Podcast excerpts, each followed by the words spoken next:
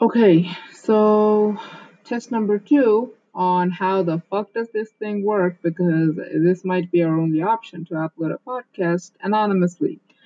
I don't want people to know that it's me. Hello? No, no, no, no, no, no. Bad decisions. Eh, eh. Fame corrupts. Fortune corrupts. No, no, no, no, no. Also, we're just doing this for Oma's voice. I mean, come on, those are fucking amazing.